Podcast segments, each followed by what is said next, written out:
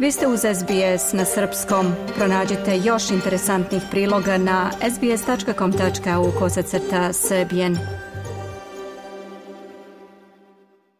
Slušate SBS na srpskom.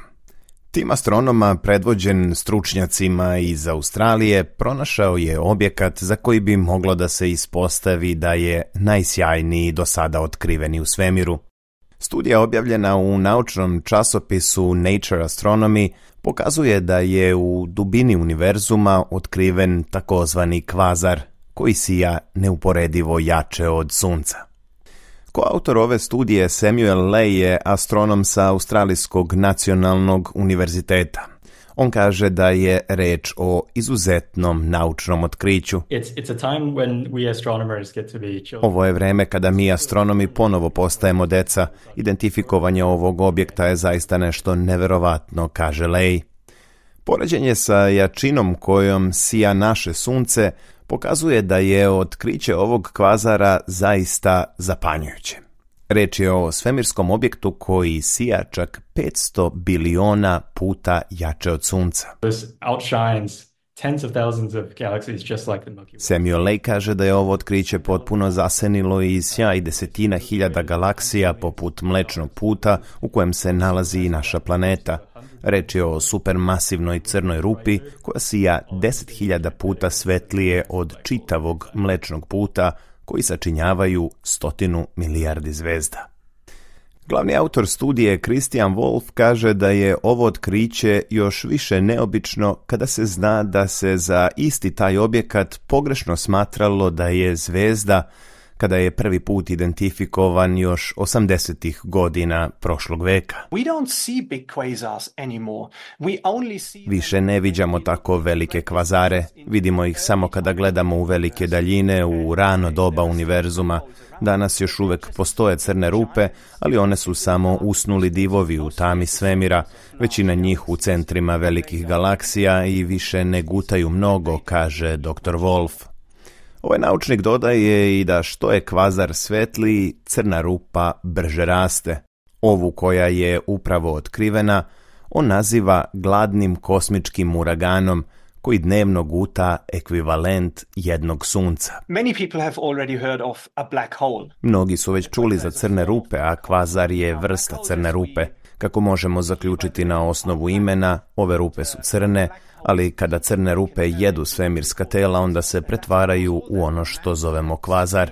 Do toga dolazi tako što se sva ta materija koja struji ka crnoj rupi i kovitla se oko nje, zagreva u tom procesu i počinje da sija.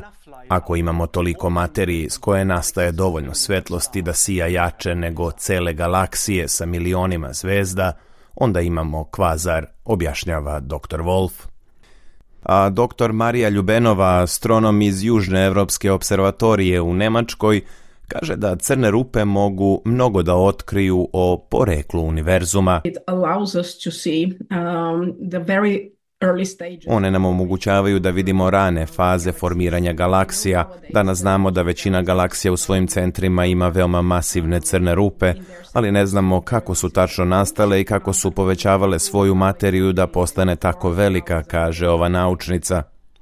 Kada je reč o novom otkriću, Samuel Lay kaže da je ovaj kvazar udaljen čak 12 milijardi svetlosnih godina od Zemlje, i da datira iz ranih dana univerzuma. On dodaje i da će biti potrebno više istraživanja da bi se razumelo kako ove crne rupe zapravo funkcionišu. In language Rečeno jednostavnim jezikom, to znači da bez ovih crnih rupa naša galaksija kakvu poznajemo ne bi bila ono što je danas. U stvari sve galaksije bi bile veoma drugačije bez njihovih supermasivnih crnih rupa, a moguće je čak i da se sve galaksije formiraju upravo oko tih rupa, kaže Lej. Ovaj kvazar je prvi put uočen pomoću teleskopa prečnika 2,3 metra koji se nalazi u observatoriji ENU Siding Spring u blizini Kuna Barabrana u Novom Južnom Velsu. Kako bi potvrdio punu prirodu crne rupe i izmerio njenu masu, istraživački tim je zatim prešao na osmatranje jednim od najvećih teleskopa na svetu, smeštenim u Južnoj Evropskoj observatoriji, koja se nalazi u pustinji Atakama u Čileu.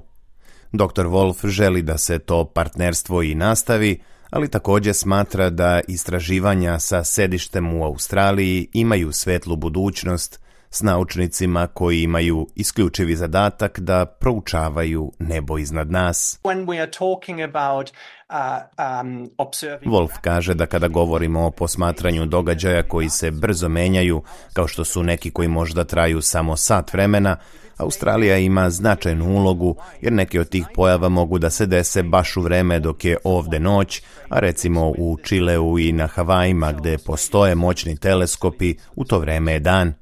Zato bi prema njegovim rečima i Australija trebalo da ima dobre teleskope za praćenje takvih događaja u svemiru.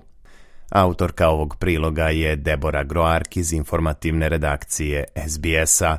Ja sam Branko Cvetojević. Ostanite uz program na srpskom.